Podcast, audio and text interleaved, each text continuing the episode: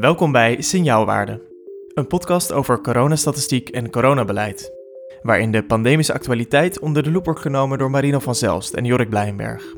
Mijn naam is Maarten van Woerkom en dit is aflevering 16 van Signaalwaarde.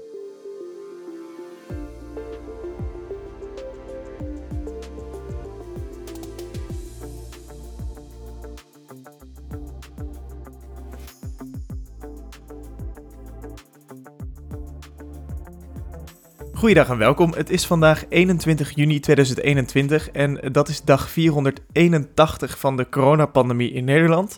Alhoewel, Marino Jorik, als ik de media en misschien ook wel de kabinetslijn een klein beetje volg, dan lijkt het alsof uh, corona in Nederland wel een beetje voorbij raakt.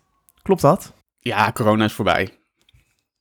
De coronacrisis is statistisch gezien voorbij. Dat, uh, het heeft een jaar geduurd voordat Wieberen van Haga uh, die uitspraak daadwerkelijk kon doen. Maar als het kabinet ligt, uh, mag hij hem nu doen. Ja. Oké. Okay. Gaan we het uitgebreid over hebben in deze podcast. Uh, we zijn met z'n drie dit keer geen gast. En we gaan stilstaan bij de versoepelingen die het kabinet afgelopen vrijdag heeft aangekondigd tijdens de persconferentie. We gaan stilstaan bij de Delta-variant en de combinatie met vaccineren en hoe we naar de zomer gaan. En vooral kijken we naar september in die context. Om te gaan kijken um, ja, wat dit nou eigenlijk impliceert. Want uh, een jubelstemming is er wel. Um, niet alleen omdat uh, Nederland het goed doet op het uh, voetbal, maar ook um, ja, omdat de cijfers wel echt heel laag staan. Vandaag 500 nog wat besmettingen, Marino. Volgens mij het laagste sinds september vorig jaar. Klopt dat? Ja, klopt. Er is wel storing bij de GGD, dus het is een beetje vertekend, het aantal. Oh, dat was maar... er in september vorig jaar, toch? Dus... Nou, toen waren er minder storingen. Uh, oh ja? Dan nu. Ja. ja, nu is het al drie dagen op rij storing. Uh, oh. Dus is het uh, hashtag vier dagen extra begint wel een hele andere lading te krijgen de afgelopen drie dagen. Ja. Oké.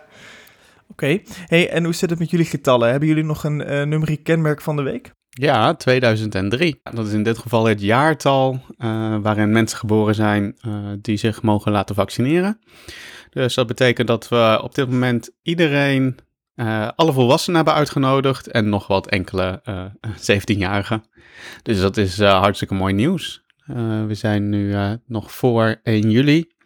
En alle uitnodigingen, nou ja, iedereen kan zich aanmelden bij de GGD'en. Op het moment dat je dat nu doet, dan kom je ongeveer terecht in de eerste week, of in de tweede week, eerste week, tweede week van juli. Dus, dus dat is heel mooi. Ja. En dat is ook uh, aansluitend op een vraag van uh, Joost Bolt, twee afleveringen geleden, waarin wij voorspelden met aan zekerheid grenzende waarschijnlijkheid dat 2003 eerder uitgenodigd zou worden dan dat de registratie op orde is. Nou, die registratie komen we later nog wel te spreken, maar ook daar hadden we weer gelijk, wilde ik toch even zeggen. De registratie is nog niet op orde en dat is wel nee. een probleem, want we willen allemaal op vakantie. En vanaf 1 juli moet de corona-check-app uh, zo zijn dat als jij gevaccineerd bent en je logt in met je DigiD, dat je daar het uh, checkje krijgt in de vorm van een QR-code en daarmee naar het buitenland zou kunnen reizen. Uh, Jorik, hoe komt dat nou dat die, dat die vaccinatieregistratie zo ontzettend belabberd loopt?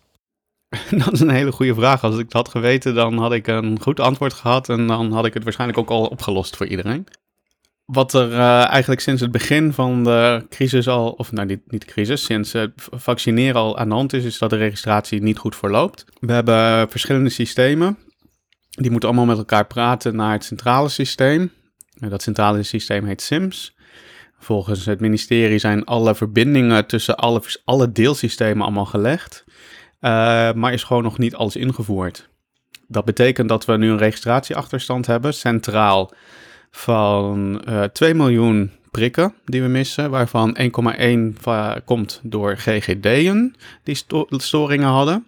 Uh, dus er zijn niet alleen storingen bij het doorgeven van de positieve testen, maar ook uh, bij het vaccineren. En daarnaast zijn er nog 900.000 vaccinaties nog niet goed geregistreerd centraal, uh, die gezet zijn door de huisartsen en de zorginstellingen en een deel ziekenhuizen volgens mij. Daarvan is de oorzaak al dus het RIVM dat uh, huisartsen gewoon die registraties nog niet goed hebben doorgegeven. De manier waarop ze daar nu druk achter zetten is gewoon door te zeggen van ja, op het moment dat je registratie nog niet bij ons in het systeem staat, uh, dan betalen we je ook niet uit voor de vaccinaties die je, die je hebt gezet. En dat is volgens mij zo'n 21 euro per prik per huisarts, voor de huisarts per persoon. Dus dat kan wel oplopen. Dus dat is een beetje een extra stuk stok achter de deur om uh, dat op orde te krijgen. De registratie is belangrijk voor onder andere, zoals je al zei, uh, het vaccinatiepaspoort, het groene vinkje. De Corona Check app is dat. Ja, niet alleen is er dus druk financieel, maar er zullen ook steeds meer mensen die gevaccineerd zijn door zorginstellingen en huisartsen die uh, naar een evenement willen of naar een, uh, op, op, vakantie willen. Die zullen gewoon gaan bellen en vragen van, hey, de registratie is nog niet in orde, kan je dat uh, regelen? Ja, want dus is die neem... data er wel? Of ja, is die data verloren? is er. Nee, die data is allemaal wel, want alles staat decentraal goed geregistreerd. Alleen moet het nog worden doorgegeven. Nou, dat is allemaal een hele klus. Um, want ja, we werken niet echt met centrale systemen in Nederland. Het is allemaal heel mooi gedecentraliseerd. Maar in een crisis als deze is dat natuurlijk ontzettend handig. Um, dus ja, we moeten even kijken of dat allemaal uh, op tijd gaat gebeuren. Uh, zoals inderdaad Marino al eerder aangaf, uh, wat ik ook eerder vroeg aan mensen op Twitter van, wat denken jullie, dat de registratie als eerste op orde is of iedereen een eerste prik? Ja, ik denk niet dat we binnen een maand ook de registratie echt helemaal op orde zullen hebben. Dus ja, we gaan het wel zien. Ik, uh, ik, krijg ook wel echt regelmatig berichten van mensen die dan door hebben gegeven van ik, ik heb uh, me laten vaccineren, ik wilde me laten registreren, maar er staat niks. Uh, weet jij hoe het werkt? Nou, dan zeg ik, ga maar terug naar je huisarts bijvoorbeeld, want daar zit dan de bulk van het probleem. Dus ik had vandaag met iemand contact en die ging naar de huisarts, die zei ik heb het ingevoerd, die heeft het RIVM gebeld, zegt het RIVM bel met je huisarts, want wij hebben alles perfect geregeld. Um, en dan bellen ze weer terug naar de huisarts. Nou, en, en na lang op en neer bleek dan uiteindelijk het probleem te liggen bij bijvoorbeeld de systeembeheerder. Ze sluit het systeem van de huisarts niet goed aan op uh, de software van het RIVM. En daar zijn ze nog mee bezig om dat op te lossen. VWS heeft zelfs een speciale taskforce om dit soort technische problemen op te lossen. Nou, het gaat allemaal nog wel even duren. Maar ja, die mensen zitten gewoon wel te wachten op, die, op het groene vinkje om uh, lekker naar Spanje te gaan. Uh, en Portugal. Daar moeten we het dan wel gelijk hierover hebben, want reizen tijdens een pandemie. Ja, dus dat dacht ik als bruggetje, zonder dat Maarten enige functie heeft op dit moment. Gaan we het dan ja. over die reizen hebben? Dat is helemaal niet waar, jongens. Weet je, het fijne is dat ik nog steeds deze podcast host en dit gewoon even aan de kant kan zetten. Want ik wil het nog over één ding hebben. Um, dat is namelijk, uh, jullie noemden als numerieke kenmerk 2003. En dat betekent mm -hmm. dat elke volwassene in Nederland um, een prik kan plannen die dat wil. En dat betekent ook dat als we het hebben over uitspraken die we eerder in signaalwaarde deden, is dat wij de podcast gingen maken zolang dat uh, Nederland uh, volledig gevaccineerd is of iedereen die dat wil gevaccineerd is. Uh, dat is dus niet meer zo heel erg lang. En misschien, ja, we hebben het al een keer eerder genoemd, moeten we wat voorsorteren op een einde van signaalwaarde. Daar hebben we even over gesproken. Um, wij vinden het ontzettend leuk om te doen en we gaan ook nog wel even door. We gaan um, de komende weken een aantal interessante podcasts opnemen met gasten. Onder andere over vaccineren in het buitenland uh, en in moeilijk begaanbare gebieden en in uh, uh, landen anders dan het Rijke Westen. Um, we gaan het hebben over de ethische kwesties die bij corona komen kijken. want ook, ja, eigenlijk hebben we dat al heel vaak benoemd, maar um, in onze wetenschappelijke tunnel zijn we daar nog niet aan toegekomen om daar eens even bij stil te staan, want de ethische en morele dilemma's die uh, het afgelopen jaar hebben gespeeld, die zijn natuurlijk enorm en zeker boeiend om uh, stil te staan. En als laatste zullen we bij jullie terugkomen met een terugblik, um, maar daarover later meer. Want eerst vakantie. Jee, vakantie. pretreizigers, feestreizigers noemden ze het volgens mij in een uh, stuk van het kabinet. Even kijken, ik pak het er gelijk even bij. Want het OMT heeft natuurlijk ook een advies uh, geschreven. Van wat gaan we precies doen? Uh, waar lopen nog risico's? En een van de stukken die is getiteld Advies om risico op COVID-19 bij feestvakantiegangers te beperken. En ja, het woord feestvakantiegangers vind ik echt wel mooi, omdat dat, ja, dat impliceert ook dat er mensen op vakantie gaan die geen feest vieren. Nee, nee, maar wacht even. Dit, dit zijn um, mensen die zoeken voor alcoholische contactmomenten en interpersoonlijk contact in het buitenland. Ja, dat interpersoonlijke contact wordt dan weer niet genoemd in het advies. Wat ik dan wel mooi vond. Al, misschien valt dat dan nog, want hier staat uh, een toename in sociaal risicocontact, zoals activiteiten in groepen, feestjes en geen afstand houden. Of zoals een uh, bron. En alsof dat ook een, een aparte activiteit is. Ja. ja. Zo van, kom, we gaan eerst naar een feestje. En dan gaan we geen afstand houden. ik begreep zelfs van een bron- en contactonderzoeker die ik uh, van de week sprak. Um, en die, die was wat uh, index uh, aan het bellen.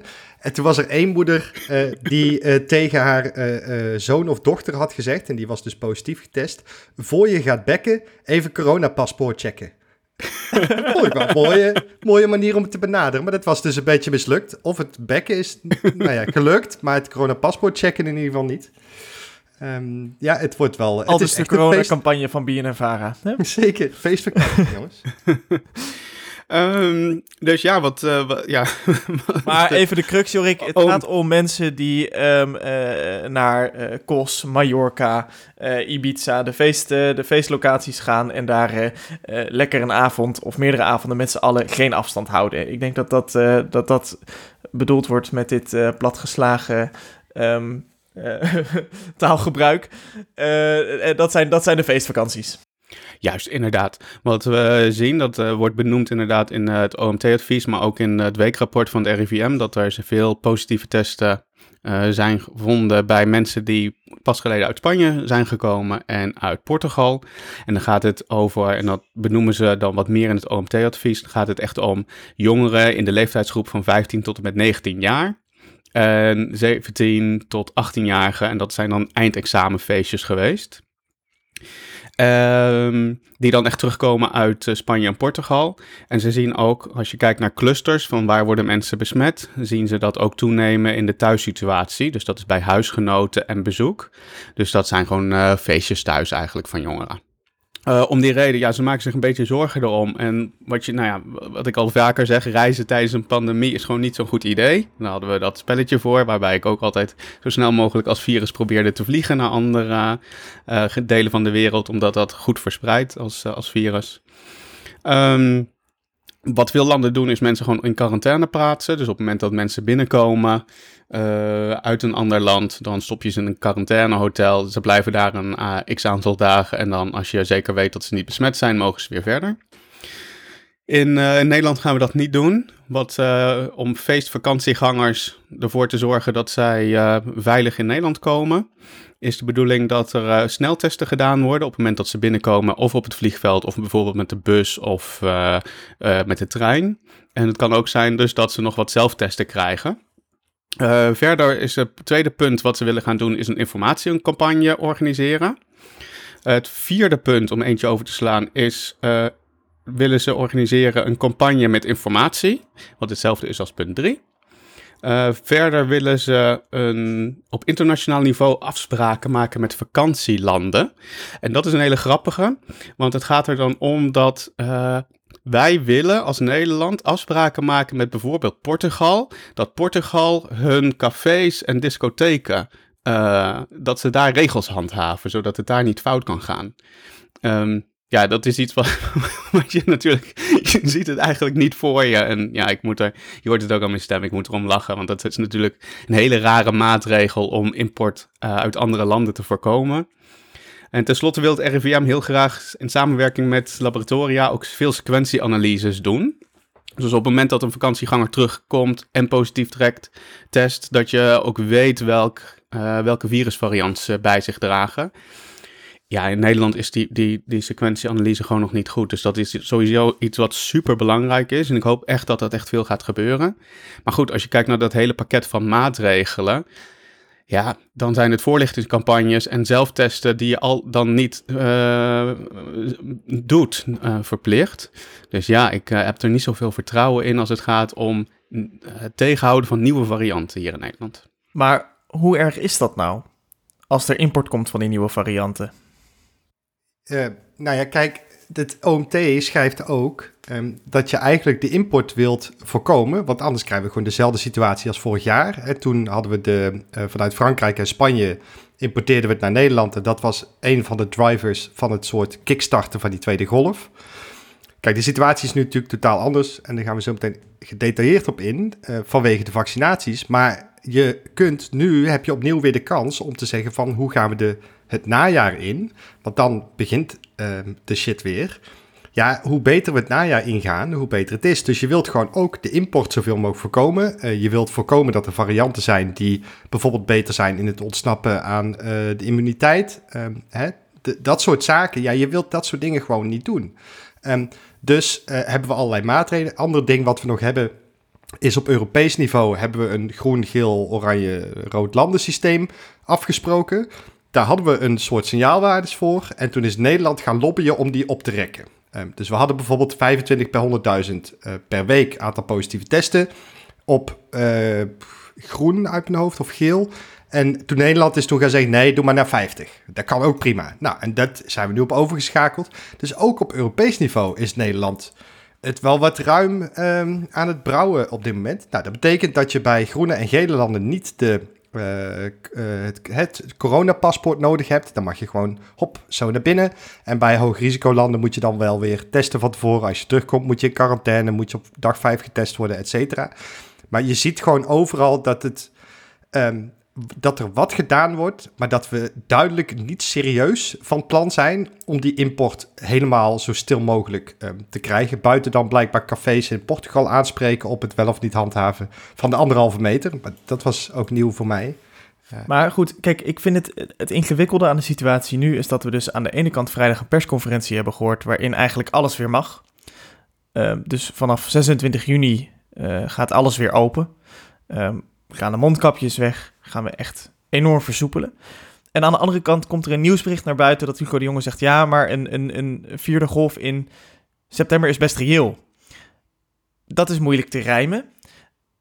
Tenzij de situatie dermate anders is dan vorig jaar, dat we zo'n derde golf prima aankunnen. Dat de impact op de gezondheid van de mensen en de impact op de gezondheidszorg en de impact op de economie veel kleiner is dan de eerdere golven omdat we gevaccineerd zijn bijvoorbeeld. Dus kunnen jullie mij en de luisteraars meenemen in wat nu maakt dat we nu kunnen versoepelen en we in september mogelijk toch een vierde golf krijgen en hoe we die dan aankunnen?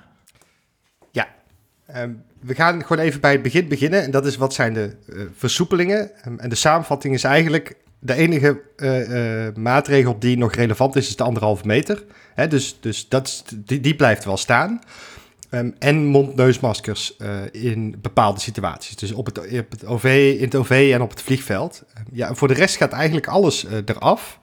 Um, sneller dan het uh, openingsplan eerst was. Hè. Dus we hadden eerst bijvoorbeeld de maximale groepsgrootte thuis. Dus het aantal gasten zou nog op 8 komen te staan. maar dat is ook opgeheven. Dus je mag gewoon met 30 man barbecuen binnen, bijvoorbeeld. Um, dus eigenlijk is het enige wat je nog in je hoofd moet houden qua wat het kabinet nu aan maatregelen hanteert, is de anderhalve meter. Um, en als je die niet kunt handhaven, zijn er twee oplossingen. Of het gebruik van mondneusmaskers of testen. Um, hè, en dus mondneusmaskers is bijvoorbeeld in een situatie waarin testen geen oplossing is, zoals het OV, want je kunt niet allemaal sneltesten poortjes gaan zetten voor de OV-chipkaartpoortjes bijvoorbeeld. En in situaties waar dat wel kan, zoals bijvoorbeeld uh, nachtclubs of dis discotheken, um, daar kan dan uh, testen voor toegangachtige constructies uh, gebruikt worden. En daarbuiten is het gewoon de anderhalve meter en verder eigenlijk um, niets. Ook het thuiswerkadvies is er af. deels omdat we nu 50% van je tijd mag je dan wel op kantoor zitten en ook daar moet de anderhalve meter gehandhaafd worden. Nou, de reden daarvan is, is dat het OMT gemodelleerd heeft wat gebeurt er als je dit doet. En uh, als we dit doen, dan zien we in de komende paar weken, schrijft het OMT ook, gebeurt er met de opnames eigenlijk niet zoveel. Het blijft gewoon omlaag gaan, um, de bezetting blijft omlaag gaan, alles blijft gewoon omlaag gaan. Dus ook al doe je het nu, um, blijft toch alles omlaag gaan in de komende paar weken, uh, schrijft ook het OMT. En um, de relevante uh, context hier is dat het OMT schrijft in de komende paar weken. Um, en dat is waarom het kabinet hier op dit moment uh, voor kiest. Omdat het eigenlijk, wat ze ook doen, het heeft gewoon niet zo heel veel invloed op het aantal ziekenhuisopnames. En dat is waar het kabinet um, op stuurt, het aantal ziekenhuisopnames. Voornamelijk vanwege de hoge vaccinatiegraad die we al bereikt hebben. We zijn er nog lang niet, maar we zijn al best een eind. Um, het probleem, en dat is wat uh, uh, demissionair minister De Jonge ook schetste, is, er is het is mogelijk dat er een vierde golf komt. Het OMT zegt dat ook. In de vorige aflevering uh, schetste ik ook al, ik voorspel maatregelen in het najaar. Dat is niet de september, maar het OMT schetst eigenlijk dat is pas echt zeg maar, serieus in de winter, omdat je het seizoensvoordeel dan kwijt bent. Sterker nog, je hebt het seizoensnadeel. Um, hè, dus in de zomer kan het virus minder efficiënt verspreiden en in de winter is het efficiënter, juist. Dus dan heb je het echt november, december pas. Dus het, het uh, uh, respiratare seizoen eigenlijk. Um, dat is waar het OMT zich ook wel zorgen uh, over maakt. Ehm, en dus ook het kabinet dus aangeeft van ja, het is mogelijk dat we dan serieuze maatregelen moeten gaan nemen. We kunnen de lockdown niet uitsluiten, maar ze gingen wel echt alles eraan doen om hem te voorkomen. Zei demissionair minister De Jonge in ieder geval in de persconferentie. Maar ja, hij sloot niet uit um, dat die er wel ging komen. Nou, dat heeft een aantal redenen. Um, reden 1 is de vaccinatiegraad is niet homogeen. Hè, dus we hebben bepaalde gemeentes zien we gewoon een lagere vaccinatiegraad. Onder bepaalde bevolkingsgroepen, om allerlei redenen, zien we een lagere vaccinatiegraad. We weten niet goed hoe lang de immuniteit aanhoudt. Dus het kan zijn dat die immuniteit lang goed blijft, maar niet perfect. Nou, dan krijgen we meer doorbraakinfecties. Um, die zien we nu al, want het vaccin is niet 100% effectief natuurlijk. Um, nou, allemaal van dat soort zaken bij elkaar zorgen ervoor dat we niet klaar zijn. Het virus is niet weg op het moment dat iedereen die gevaccineerd wil worden, gevaccineerd is. Nou, en in die situatie, in, in september, et cetera, gaan we soort terug naar het oude normaal. Uh, we gaan weer naar school, we gaan weer naar werk, uh, we gaan weer naar de universiteit. De anderhalve meter gaat waarschijnlijk eraf. Um, maar dat is nog even de vraag wanneer dat precies is.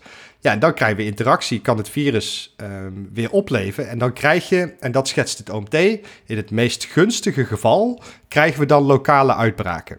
Um, dus als het OMT optimistisch is, krijgen we alleen lokale uitbraken. Dus dat betekent dat we waarschijnlijk uitbraken krijgen in regio's met een lage vaccinatiegraad bijvoorbeeld. Of in bepaalde bevolkingsgroepen met een lage vaccinatiegraad. Dat is het gunstigste geval. In het maar Marino, dan ga ik, ga ik je toch een, een, misschien een beetje een rare vraag stellen. Maar uh, Marion Koopmans zette me vorige week aan het denken. Die zei, we accepteren en dat zei ze in de context van dat we met neusverkoudheid voorheen altijd gewoon naar het werk gingen. En drie paracetamol in je mik en gaan met die banaan. Zij zei, we accepteren dat er elk jaar een epidemie van influenza is, een griepepidemie. We accepteren dat de intensive cares elke winter vol liggen met kinderen met het RS-virus. Op welk moment accepteren we dat corona er gewoon is en dat dat, dat, dat dat kan bestaan, zeg maar? Op welk moment uh, stellen we dat ondergeschikt aan het maatschappelijk belang? Kijk, dat punt hebben we al geaccepteerd sinds het begin. Want dat is het beleid altijd geweest om het endemisch uh, te laten zijn. Um, hè? En endemisch betekent dan um, dat het terugkomt, maar niet in een mate waarin het de maatschappij compleet ontwricht. Net zoals bij influenza um, bijvoorbeeld. Nou, RS-virus, kleine uitstap, zien we ineens nu een RS-virus-epidemie uh, bijna ontstaan in het zuidwesten. Uh, waarbij uh, de kinder-IC's al helemaal vol liggen, was afgelopen week het nieuws. Wat heel raar is, want RS-virus begint normaal in oktober, november pas op te spelen. Dus het lijkt erop dat we het, het virusseizoen een beetje naar de kloten geholpen hebben met onze maatregelen. Want nu begint het ineens omhoog te vliegen. Nou, kijk, de vraag is natuurlijk, um, en dat schetste Marion Koopmans ook, en iets wat ik, waar ik de laatste tijd zelf ook veel mee bezig ben, is misschien moeten we eens een keer met z'n allen een gesprek hebben. Het woord nationaal gesprek noem ik het maar. Over hoe we, willen we met infectieziekten blijven omgaan. Um, hè, in, in een aantal Aziatische landen bijvoorbeeld is het heel normaal dat als je verkouden bent, dat je dan een mondneusmasker draagt als je naar het werk um, gaat. Uh, hè, Koopmans schetste ook even van ja, ik had ook een stukje gelezen bij ons in het of in de ziekenhuisblad met ik heb griep, maar ik ben een bikkel en een echte vent en ik werk gewoon door. Ja, je, ik denk dat we daar met z'n allen echt een gesprek over moeten hebben. Is dit nog de manier waarop we dit willen doen? Ik zou persoonlijk zeggen van niet. Um, ik zou een andere voorkeur uh, hebben. En, en, ik denk dat dit het moment is om met z'n allen dit gesprek te hebben over hoe we met infectieziekten willen omgaan. En uh, misschien is het wel een idee om te zeggen: als je verkouden bent, dan ga je even niet meer handen schudden en drie zoenen geven op verjaardagen. En gewoon even met een mondneusmasker naar je werk. Bijvoorbeeld. Is een idee, hè? Ik zeg niet dat dit moet of dat ik dit morgen wil. Maar Um, ik denk dat we dat gesprek gewoon met z'n allen wel uh, moeten hebben. En dit is wel een beetje het moment om het te doen. Um, want nu zitten we met z'n allen toch al in die uh, infectieziekte business, zeg maar. Jorik? Ja, ik, vind, ik denk dat ik me wel aansluit bij Marino in deze voor een, voor een groot gedeelte. Ik vind het zeggen van we moeten een gesprek hebben met elkaar, vind ik altijd zo. Klinkt alsof ik bij mijn ouders kom of zo. Maar uiteindelijk is, daar staat de uitkomst volgens mij wel vast van zo'n gesprek, toch? Ik, ik vind het lastig om het andere, uh, het andere standpunt te, te, verdedigen. Namelijk, ik heb een infectieziekte, namelijk griep. Ik ben daar doodziek van. Andere mensen kunnen er ook ziek van worden. Dus ik ga lekker naar mijn werk en dat moet gewoon kunnen. Uh, dat is zeg maar een raar, dat vind ik een raar standpunt. Dus ik, ik weet niet of iemand dat überhaupt zou verdedigen. Dus volgens mij is het geen gesprek dat we moeten hebben, maar volgens mij moeten we bedenken hoe we die norm veranderen met z'n allen. Misschien is dat wel door met elkaar te spreken hoor, maar een gesprek hebben vind ik een beetje een rare uitdrukking in dit geval.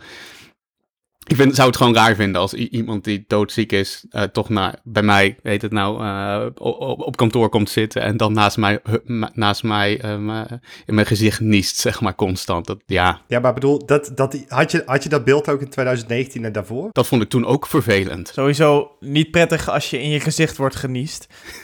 toch? Ja, dat is, alleen denk ik dat je nu makkelijker kan zeggen van, hé, hey, kom op, weet je. ook als werkgever bijvoorbeeld zijnde. Ja. Maar, maar wat, wat wordt de norm qua corona, denken jullie?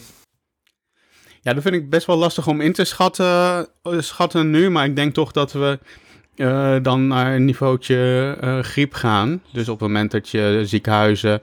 Ja, natuurlijk worden er zullen waarschijnlijk altijd mensen worden opgenomen, ook met corona. Um, maar zo, zolang we niet in paniek raken en de ziekenhuizen niet overstromen, dan zal dat wel, wel meevallen. Uh, het, probleem daarvan nu is om in te schatten wat precies ook de vaccinatie gaat doen. En daar wil ik dan weer teruggrijpen ook naar uh, het OMT-advies. Want zij schrijven ook een stukje over immuniteit en hoe lang zijn mensen beschermd. Um, kijk, met een perfect vaccin zou iedereen die de prik heeft gehad... Um, gewoon voor zijn hele leven lang beschermd zijn. En dan, als je iedereen prikt, heb je er geen last meer van. Dan hoef je er niet over na te denken. Bij griep is het zo dat iemand elke tien jaar bijvoorbeeld, volgens mij was het gemiddeld elke tien jaar uh, ziek wordt.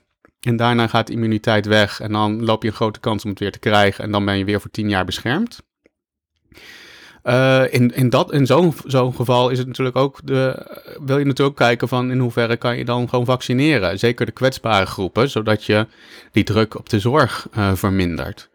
En als jongeren het dan krijgen, ja, dat is misschien dan wat minder erg. Ik vind dat nu nog heel lastig in te schatten, ook omdat we nog niet precies weten wat de langetermijn effecten zijn. Dus het kan zijn dat we over een jaar of vier hier heel anders tegenaan kijken dan over een jaar of over een jaar of tien. Dus volgens mij gaat dat nog ook wel veranderen. Ja, maar ik denk, ik denk namelijk wel dat dit uh, de crux is in de discussie die er nu gevoerd wordt. Omdat de vraag is natuurlijk, is Nederland te snel aan het versoepelen, ja of nee? Dus ik ben benieuwd, wat is het streven? Ja, dat, dat weten we denk ik ook pas over een jaar als je dat kan beoordelen, ook uh, ten opzichte van andere landen. Dus nu denk ik, omdat mensen, we versoepelen nu relatief snel, omdat we ook re, uh, optimistisch zijn.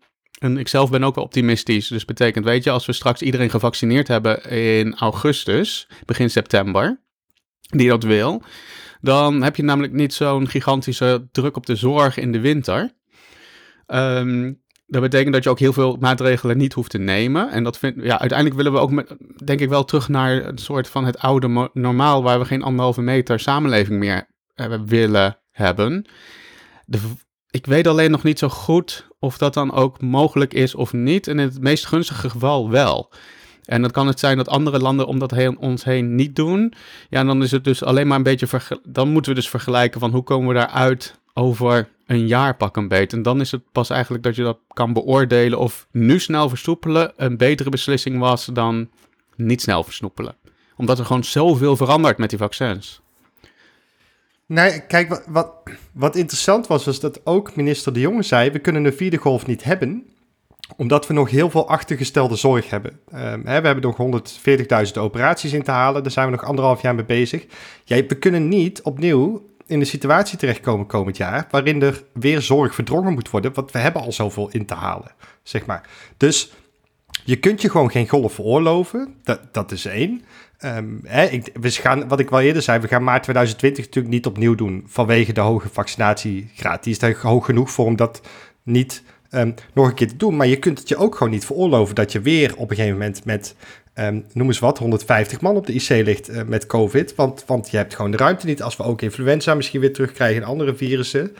Um, dus versoepelen we nu te vroeg. Het ligt er een beetje aan hoe je er naar kijkt. Kijk, um, elke uh, halvering, daar koop je ook een verdubbeling mee. Dus, dus als we weer kijken naar besmettingen en opnames. Als we 100 opnames hebben, de week later hebben we 50 opnames. En de week later hebben we de 25.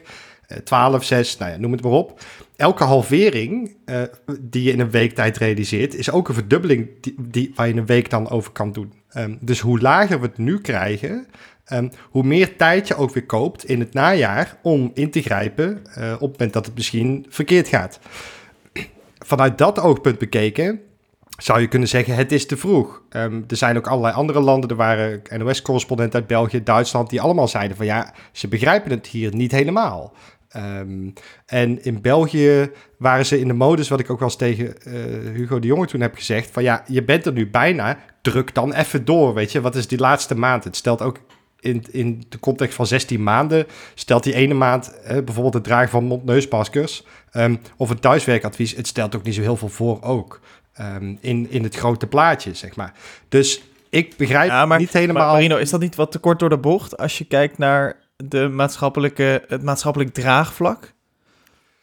Nee, ja, kijk, het maatschappelijk draagvlak is het gevolg van, van eh, draagvlakcommunicatie eh, van het kabinet. Dus het, was, het kon niet anders, zeg maar. Alle, hè, ik heb al eens eerder gezegd, de keuzes die ze in oktober 2020 gemaakt hebben, hebben nu nog steeds gevolgen. Dus alle keuzes na oktober 2020 zijn het gevolg van de keuzes in oktober. Ehm, ja, en dit is er één van, want ehm, hier kon je het gewoon niet meer verkopen dat we niet gingen versoepelen, want het ziekenhuis is leeg. En dat was het enige wat telde, dat, dat het ziekenhuis niet vol ehm, ligt. Dus ja, het is vrij consistent dat het kabinet constant vrij vroeg versoepelt, want het is gewoon wat ze doen. Dus het is niet gek dat het kabinet het doet. En het is ook niet gek dat ik dan blijf bouwen dat ze het niet moeten doen, want dat is ook al vrij consistent zo sinds eh, oktober. Dus we zijn allemaal ontzettend consistent. Dat, dat durf ik wel te zeggen. Nee, maar hè, dus mijn punt is, jongens, we zijn er nou bijna. Ehm, ja, weet je, een wielrenner die zeg maar de finish ziet en dan bij, in de Tour de France, die binnenkort weer begint, denkt, ik zie de finish, ik ga een beetje afremmen. Ja, dan kan je wel eens een keer niet als eerste over de finish komen. Je kan de laatste kilometer beter doortrappen. Je hebt het, het, het zuur toch al in je benen. Het flauwe is wel, je, eh, met deze vergelijking, ook met het zicht in de haven en de finish in zicht, is dat ik niet zo goed weet wat de finish is of waar de haven is in dit geval. Eh, je kan, kijk, kijk, het zou natuurlijk mooi zijn als je zegt van er is gewoon geen corona meer, maar ik, ik denk dat ook het OMT eh, schrijft dat en ik denk dat dat gewoon waar is, is dat corona is de wereld als pandemie gewoon, dat is gewoon nog lang niet voorbij. Dus daar blijven we, we blijven altijd importeren, eh, tenzij er echt grondig dingen veranderen hier in Nederland. Nou, we hadden het net al over quarantaine van de feestvakantieggangers. ja, dat, dat doen we al niet. Dus volgens mij in de, in, ja, in de Nederlandse context denk ik dat als het gewoon laag is in de zomer, en ook al versoepel je nu eerder, eh, dan blijft het nog wel even dalen. Ehm, ja, ik, ik, ze- ik zelf ik snap waarom ze nu versoepelen en waarom ze dat sneller doen. Ehm, wat dat precies voor effecten heeft eh, voor de winter. Dus dan heb je het over de maanden oktober, november, december. Ja, dat vind ik ook heel lastig om eh, te zeggen. Niet alleen op het besmettingsniveau, maar ook inderdaad wat Marino zegt op de perceptie van mensen en de risicocommunicatie. Ja, ik snap het wel.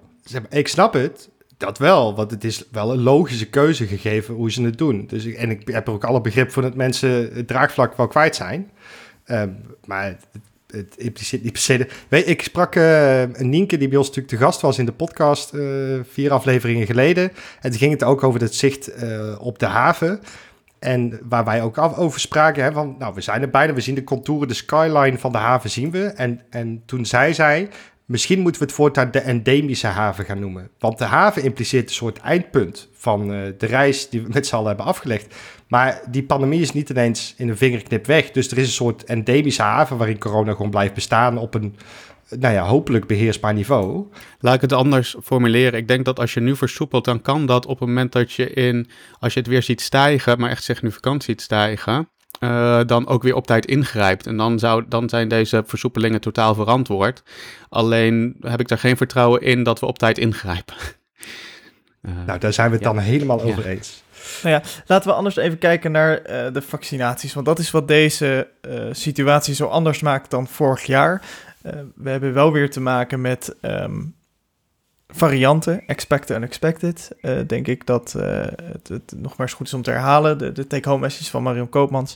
Ehm, die vaccinaties, Jorik, er, er was wat gedoe online over dat vaccinaties bijna niet zouden werken voor de varianten. En daar werd gegoocheld. En ik denk dat wij daar als signaalwaarde even wat over moeten zeggen. Met eh, procentpunten die als procent werden gepresenteerd. En daar werd, daar werd van allerlei gedoe en gegogel op Twitter eh, mee uitgehaald. Marino, Jorik, kunnen jullie ons even meenemen in hoe het nou zit met die effectiviteit van vaccins ten aanzien van de varianten. Marino heeft zich daarin verdiept, dus ik geef het woord eh, netjes aan hem. Het Engelse RIVM, de Public Health England, die heeft uh, regelmatig rapporten, nu bijna twee, twee keer uh, per week. En ze hebben laatste rapport vrijgegeven waarin ze um, de vaccineffectiviteit laten zien van de Delta-variant. Dus die is nu dominant in het Verenigd Koninkrijk, die wordt vanzelf dominant in Nederland, nu ongeveer een procent of acht 10 misschien. Um, en daarin laat ze zien dat de effectiviteit uh, tegen ziekenhuisopnames, um, hè, dus ernstige ziekte, is bij uh, twee keer uh, AstraZeneca 92% en twee keer Pfizer is 96%. Dus dat betekent dat je bij um, Astra, Pfizer, nou Moderna werkt hetzelfde als Pfizer, dus ik doe even de aanname dat het op hetzelfde niveau zit allemaal een reductie van 90% krijgt in de kans dat je opgenomen wordt. Dat is ontzettend hoog. Um, dat is niet 100%. Um, hè, dus, dus het is niet dat als je gevaccineerd bent, dan is er geen enkele kans meer dat je het ziekenhuis komt. Er zijn doorbraakinfecties, die komen er doorheen. En er zijn er mensen um, waarbij wie het vaccin misschien minder goed werkt, of allerlei andere condities. Of je hebt gewoon pech en je bent de, die ene figuur die dan die 1% is. ja, dan kom je nog steeds het ziekenhuis terecht, of je overlijdt. Dat kan natuurlijk ook nog. Nou, waar ontstond er nou heisa over?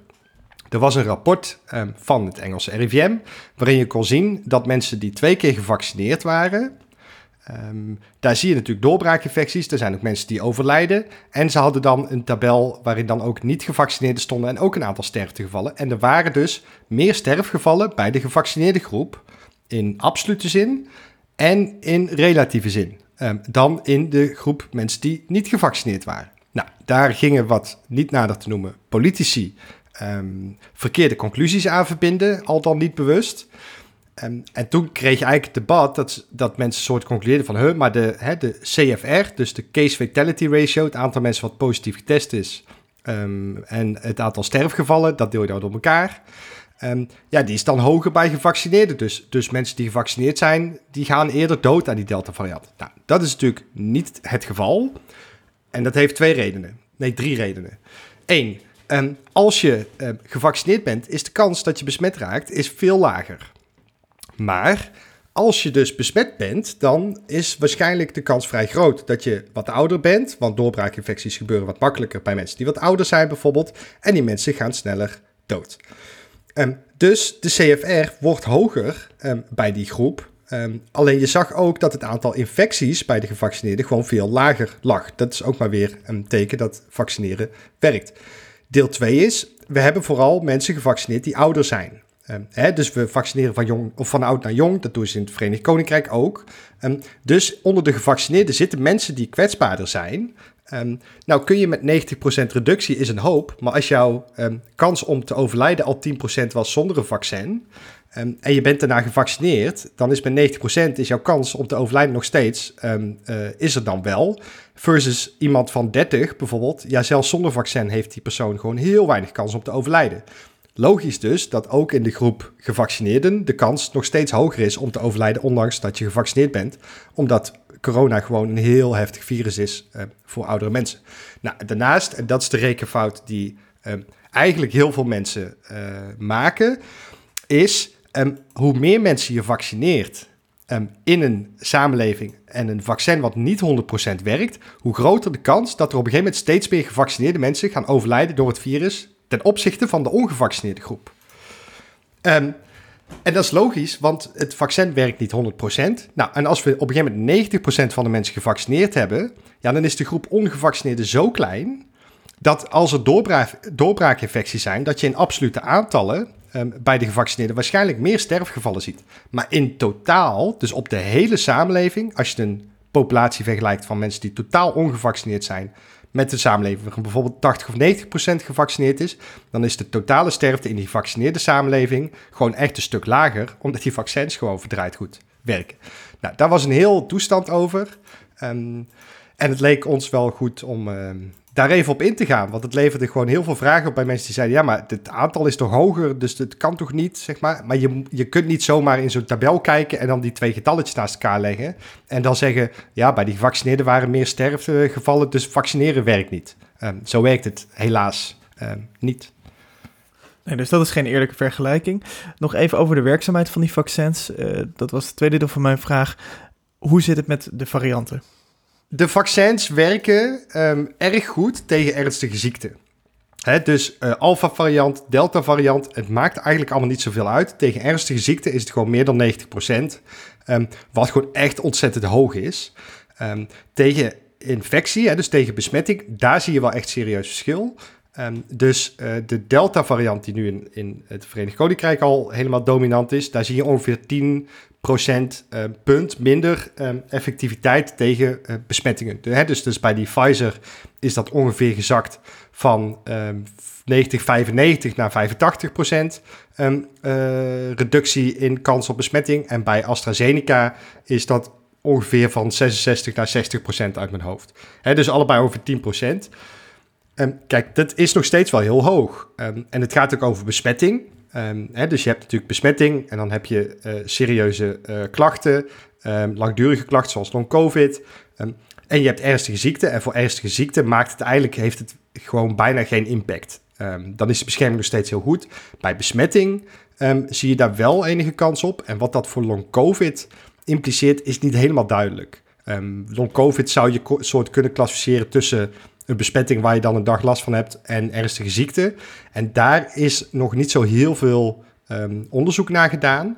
Um, en daar zijn ze nu even mee bezig. De, even dus... voor de mensen die, die niet zo in dat long-covid-verhaal zitten. Um, is, is long-covid een ziektebeeld wat je alleen treft als je eerst een ernstige COVID-infectie hebt doorgemaakt? Of kunnen dat ook slepende klachten zijn op het moment dat je eigenlijk niet zo'n ernstige, maar wel hinderlijke COVID-infectie doormaakt?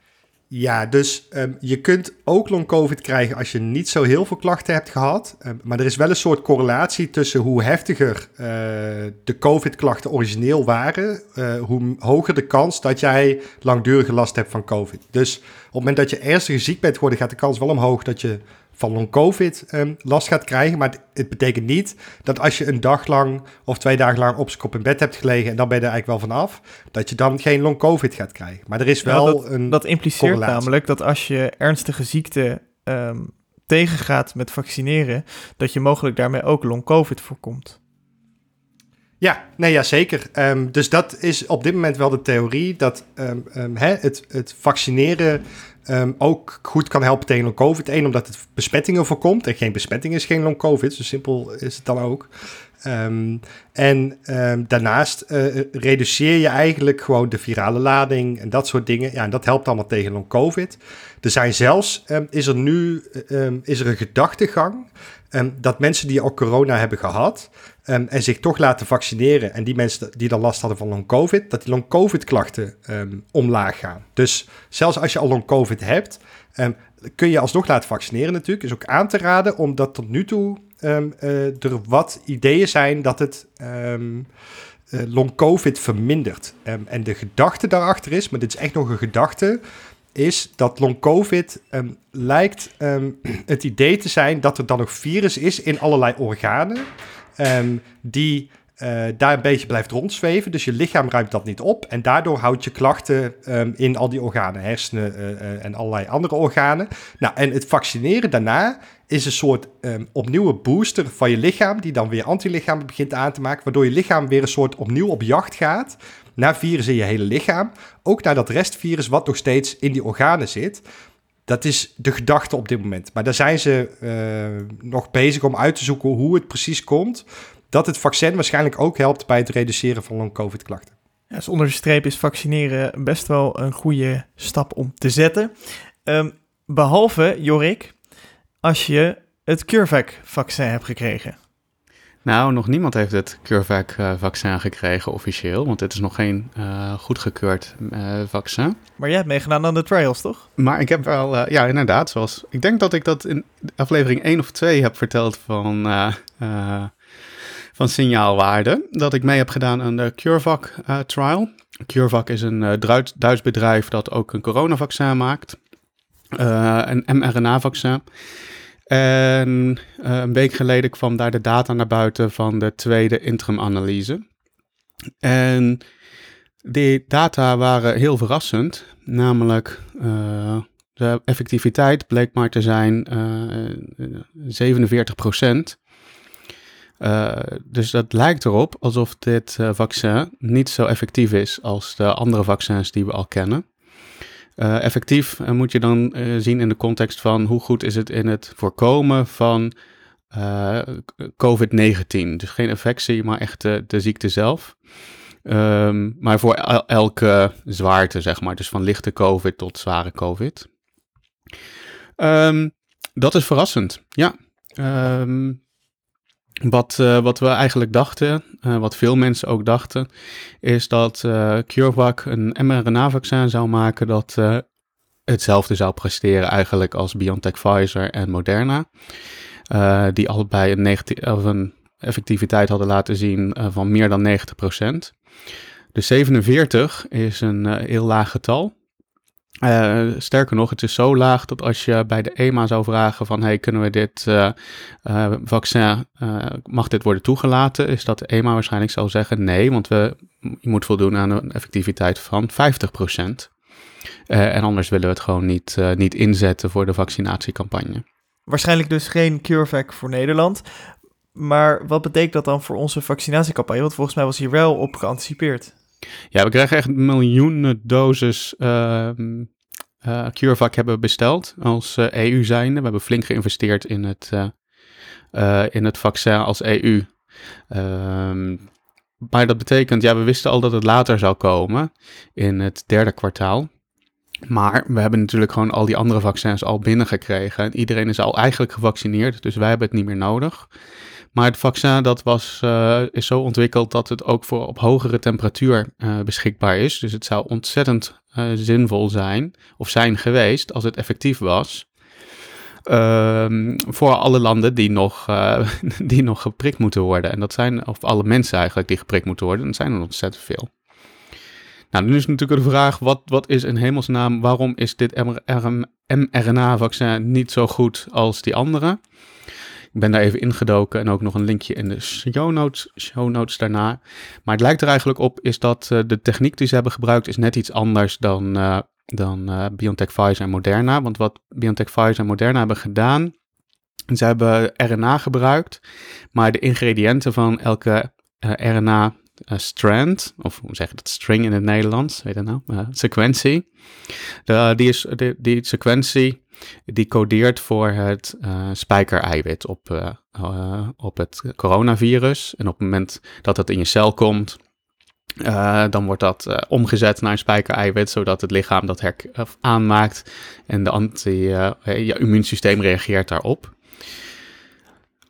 dat RNA is een heel instabiel dingetje eigenlijk. En bestaat uit verschillende bouwstenen. Het is, lijkt heel erg op DNA, maar het heeft net iets andere moleculen. En omdat het heel instabiel is, hebben uh, BioNTech, Pfizer en ook Moderna hebben niet helemaal de natuurlijke bouwstenen gebruikt.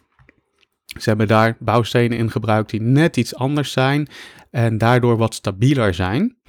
Um, maar, zoals we hebben gezien, wel ontzettend goed werken. CureVac heeft dat niet gedaan. Die heeft eigenlijk uh, origineel RNA gebruikt, zoals het lichaam dat ook zou aanmaken. En het lijkt erop dat dat net wat instabieler is. En dat zou een oorzaak kunnen zijn waardoor, omdat het niet goed in je cel uh, terechtkomt, of omdat het heel snel wordt afgebroken, dat het lichaam geen kans heeft om dat uh, spijkereiwit aan te maken, zodat het immuunsysteem dat ook kan zien.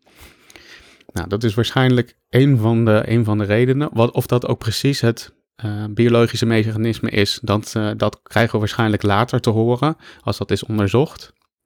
Maar voor nu is het goed om te weten van, ja, dit is een vaccin wat, waarvan iedereen dacht, dit gaat werken. Uh, maar dat blijkt niet zo te zijn. Dus eigenlijk is de conclusie vooral nu heel erg dat we ontzettend in onze handen mogen knijpen dat de eerste vaccins die daar toen waren, dat die zo fantastisch goed werken. Want dit vaccin is ook heel hard aangewerkt, maar is gewoon niet, ja, het is effectief, 47%, maar niet voldoende om toegelaten te worden. En ja, zo zijn er natuurlijk nog andere vaccins, die, die komen gewoon niet, zo ver, niet eens zo ver. Die komen niet eens in de, de, de, de, uh, in de fase waar je grote klinische trial doet. Um, ja, het is echt super bijzonder dat de eerste vaccins uh, van, van BioNTech, Pfizer en van Moderna, dat die zo fantastisch werken. En daar hebben we eigenlijk met z'n allen ontzettend veel geluk van gehad. Want stel dat we diezelfde effectiviteit hadden gehad als bij uh, hier nu met CureVac, nou, dan hadden we nu nog eigenlijk wel een groot probleem. Jorik, jij bent geprikt um, met mogelijk CureVac. Weet je dat al? Ik ben gedeplendeerd inderdaad. Ik weet of ik het vaccin heb gekregen of een placebo, maar dat kan ik hier niet vertellen. Dat is in verband met de studie omdat het uh, vaccin dus uh, waarschijnlijk niet goed werkt. Uh, de, als er een goedkeuring al komt van de EMA, wordt die pas verwacht in augustus. heeft CureVac gezegd, iedereen die meedoet um, en bijvoorbeeld vakantie wil, en zeker als je al weet of je het placebo hebt gehad, laat je prikken. Um, nou, ik hoef niet per se op vakantie. Ik ga voor de rest niks zeggen of ik geprikt ben, ja of nee. Maar ik wil wel natuurlijk graag een vaccin dat uh, toegelaten is. En op de 26e uh, krijg ik mijn eerste prik. En dat zal zijn BioNTech Pfizer of Moderna. Oké. Um, dan als laatste, want we komen al uh, bijna aan het einde van deze, deze aflevering, hebben we nog één interessante vraag. Um, we hebben het eerder gehad over um, het bereiken van groepsimmuniteit met vaccinaties. Uh, Jorik, jij zegt die vaccinaties werken hartstikke goed. En Reinier Tromp, even ons luistert, die vroeg af of we die groepsimmuniteit uh, die we graag willen bereiken, of we die gaan bereiken. En zo nee, gaat dan vrijwel iedereen die niet gevaccineerd is corona doormaken? Ja, dat is echt een superleuke vraag. Um, maar mijn conclusie is niet, zo leuk. Uh, ten eerste, ja, groepsimmuniteit. Daar begon de premier al over vorig jaar in zijn eerste speech vanuit het torentje. En hij ging dat begrip even uitleggen, want hij zei toen: wie het virus al heeft gehad, is daarna meestal immuun. Uh, maar waar we eigenlijk op zoek naar zijn, is steriliserende immuniteit. En dat betekent dat je niet alleen niet ziek kan worden op het moment dat je in aanraking komt met het virus, maar ook dat je het niet verder verspreidt. En als genoeg mensen uh, immuun zijn en de verspreiding stopt, uh, heb je eigenlijk groepsimmuniteit. Dus dan zit de R, dus de maat van de verspreiding, altijd onder de 1. En het mooie daarvan is, van groepsimmuniteit, is dat je ook geen verdere maatregelen meer nodig hebt. Um, als je gaat kijken naar de drempel voor groepsimmuniteit, dan kijk je naar van hoeveel mensen moeten er beschermd zijn, zodat het virus zich niet meer kan verspreiden zonder aanvullende maatregelen. Um, en als die drempel relatief laag is, betekent dat je ook nog heel veel andere mensen uh, die bijvoorbeeld kwetsbaar zijn en zich niet kunnen laten vaccineren, ook automatisch beschermt. Nou, die drempelwaarde die hangt eigenlijk af van twee factoren. De eerste is de besmettelijkheid van het virus, de R0. En dat is een intrinsieke eigenschap. En de tweede factor is het uh, vaccin, de effectiviteit daarvan. Uh, dus ho in hoeverre je ook die steriliserende immuniteit opbouwt. Of dat 100% is, ja of nee. Nou, daarvoor hebben we ook een handige formule, zal ik ook linken in de show notes. Uh, maar we gaan gelijk even naar de eerste factor en dat is de besmettelijkheid van het virus zelf. Um, op het moment dat je influenza bijvoorbeeld hebt, is de R0 iets boven de 1, dus dat is niet zo besmettelijk. Terwijl mazelen ontzettend besmettelijk is met een R0 van boven de 10. Dus één persoon besmet heel makkelijk 10 andere mensen.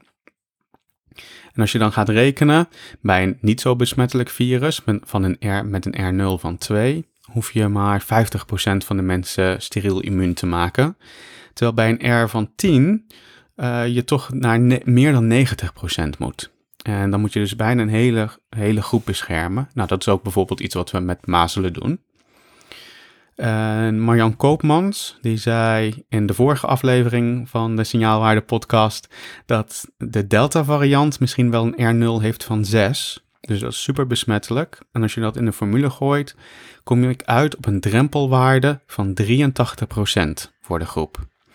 Dat zou in dit geval betekenen dat iedereen in Nederland van 15 jaar en ouder zich zou moeten laten vaccineren. Um, maar we weten dat de vaccinatiegraad gaat uitkomen op ongeveer 87% bij de volwassenen. Uh, en dat betekent dat dat slechts 70% is van het totaal. En dan haal je de drempel niet. Dus dat zou betekenen dat we eigenlijk ook kinderen moeten vaccineren om geen aanvullende maatregelen meer te hoeven nemen uh, en om een grote uitbraak in het uh, najaar te voorkomen. Daarnaast, dan gaan we gelijk ook naar de tweede factor. Ik, die, die drempel van 83% is in het geval dat je vaccins 100% die verspreiding stoppen. Uh, dus 100% steriliserende immuniteit. De laatste Britse data laat zien dat dat slechts voor 80% effectief is. Um, en dat is dan tegen symptomatische ziekte. Dat betekent dat als je aanneemt dat iedereen die uh, ook ziek wordt, dus die 20% ook het virus kan doorgeven. En als je dat in de formule stopt, dan kom ik erop uit dat je uh, los van het percentage uh, van 83% wat een gegeven is, um, dan moet je een correctie op toepassen en dan moeten we 104% van de mensen vaccineren. Oftewel, met de huidige vaccins kunnen we geen groepsimmuniteit halen. Um, ja, en dat is dus geen, geen leuke boodschap. Dus qua vaccin-effectiviteit als eerste factor gaan we het waarschijnlijk niet halen. En ook qua vaccinatiegraad, al was het 100% effectief het vaccin, zouden we het ook op dit moment niet halen met de huidige strategie. Nou, dan is de vraag, wat gebeurt er precies als we geen groepsimmuniteit hebben? Uh, krijgt de rest het dan, is de vraag van het tweede deel van de vraag van Reinier. Nou ja, bij geen groepsimmuniteit en zonder maatregelen zal de R altijd boven de 1 zijn. Dat betekent dat de kans groot is, is dat iedereen uh, die niet gevaccineerd is, de ziekte krijgt. Dus in dit geval vooral de jongeren, want die vaccineren we niet. De mensen die uh, zich niet laten vaccineren of niet kunnen laten vaccineren in oudere groepen. Um, ja, wat het OMT ook zegt, is dat er een, uh, een grote kans is dat je een vierde golf krijgt in, de, in het najaar. Gedreven door de 10 tot 19-jarigen. En die, uh, die verspreiden het virus dan uh, zowel naar beneden, naar de, de, de kinderen, als naar de ouderen. Waarbij we dan pieken gaan zien, uh, vooral in gemeenten met een lage vaccinatiegraad. Dus op bijvoorbeeld de Bible Belt. we gaan een ja, groot aantal besmettingen dan zien als je geen maatregelen neemt. Het aantal ziekenhuisopnames zal stijgen, maar niet, niet, zo, niet zoveel, omdat vooral jongeren het gaan krijgen en die hebben gewoon een lagere kans op ziekenhuisopname. En de meeste ouderen zijn al beschermd en het vaccin beschermt wel ontzettend goed tegen ziekenhuisopnames. Overigens is er dan niet zoveel bekend over long COVID. Dus daar is het nog even koffiedik kijken. Maar dat is op dit moment mijn verwachting voor het najaar. Dan is er nog één vraag van een luisteraar en dat was Maxi Holt. Die vroeg zich af, um, uh, Marino, of hij de staatsloterij gaat winnen. Nou, uh, dat is heel onwaarschijnlijk. Ik heb het even opgezocht voor 2019. En in 2019 was de kans op de, uh, het winnen van de oudejaarsloterij, daar draait het dan altijd om, 1 op 6,3 miljoen. Um, hè, dus uh, de, je moest 6,3 miljoen loten kopen in de staatsloterij. Dan wist je zeker dat je die hoofdprijs ook ging winnen. Nou, toen dacht ik... De kans is groter dat je een bijwerking hebt bij AstraZeneca. Als jongere. Als jongere vrouw. Dat is zeker een, een, uh, uh, grotere kans. En toen dacht ik, laat ik dan de kans om de staatsloterij te winnen is afzetten tegen de kans om te overlijden als je jonger bent dan 50 jaar. Um, omdat we in dit land uh, altijd doen alsof alleen oude mensen overlijden aan COVID. Nou, ik heb wat zitten rekenen op basis van CBS-data tot en met februari 2021, doodsoorzakenstatistiek. En voor één persoon onder de 50 um, gaat er 1 per uh, eh, 54.000 Nederlanders um, is doodgegaan. Um, dus we hebben ongeveer 9 miljoen uit mijn hoofd uh, eh, 50 minners in Nederland. Uh, er zijn in totaal 165 mensen van die leeftijd overleden tot en met februari 2021. Oftewel 1 op de 54.000. Dat betekent dat de kans om aan corona te overlijden tot en met februari 2021 was 100 keer zo groot als de kans dat je de staatsloterij ging winnen in 2020. Um, ehm, nou, het ene is erg positief. Het is een vrij morbide vergelijking eigenlijk, maar... Ja, ik vind het ook een morbide vergelijking. Maar het gaat ook over morbiditeit uh, als we het over corona hebben voor een deel. Um, dus Maxi vroeg... Maar jij zei de kans was dus 1 op de 6,3 miljoen dat je... Dat je uh, de, als je dus 6,3 miljoen loten zou kopen, dan zou je winnen. Ja. Nou, dan is de staatsbedrijf niet heel rendabel, want een oudejaarsklot kost 30 euro. En als je dat dus maal 6,3 miljoen doet, dan moet je dus 189 miljoen uitgeven om de hoofdprijs van 30 miljoen te winnen. Ja. Nou, kortom, ik zou niet meedoen met de staatsloterij. Jongens, jullie zijn van de cijfers. Ik heb een laatste vraag voor het einde van deze podcast. Eh, Nederland speelt tegen Noord-Macedonië nu. Ehm, ik wil alleen getallen horen. Wat wordt de uitslag? 3-0. Voor, Nederland uiteraard, maar... voor de volledigheid. Jorik, Ik sluit me aan bij Marino. 3-0. Staat opgetekend, jongens. En met die voorspelling, eh, kijk, als mensen dit luisteren namelijk, dan is de wedstrijd gespeeld. En dan kunnen jullie eh, Marino en Jorik eh, in ieder geval hierop aanspreken. Als ze een verkeerde voorspelling hebben gedaan. Of ehm, toch vragen of je dan misschien de postcode loterij gaat winnen. Als ze het goed hadden. We zijn hiermee aan het einde gekomen van deze podcast. Dit was Signaalwaarde. En dat is een podcastproductie van Maarten van Woerkom naar idee van. En mede ontwikkeld door Marino van Zelst en Jorik Blijnberg. Je kunt Signaalwaarde volgen in je favoriete podcast-app zoals Spotify, Google Podcast of Apple Podcast. En bij die laatste zouden we je dan willen vragen om een review achter te laten, want dat helpt dan anderen weer om deze podcast te ontdekken. We willen onze grote dank uitspreken voor de luisteraars die Signaalwaarde financieel hebben gesteund. Met jullie bijdrage houden we de podcast online en zorgen we voor een nog beter eindresultaat. Financieel bijdragen aan Signaalwaarde kan door vriend van de show te worden. Ga je voor naar vriendvandeshow.nl slash signaalwaarde en meld je aan. Daarnaast is het mogelijk om bij te dragen via een tikkie. Ga je voor naar onze eigen website signaalwaarde.nl en klik op de button bijdragen. Op deze website kun je ook je vragen kwijt voor in de uitzending of je feedback insturen, want daar staan we altijd voor open. Dit was het voor deze keer. Bedankt voor het luisteren en tot de volgende aflevering.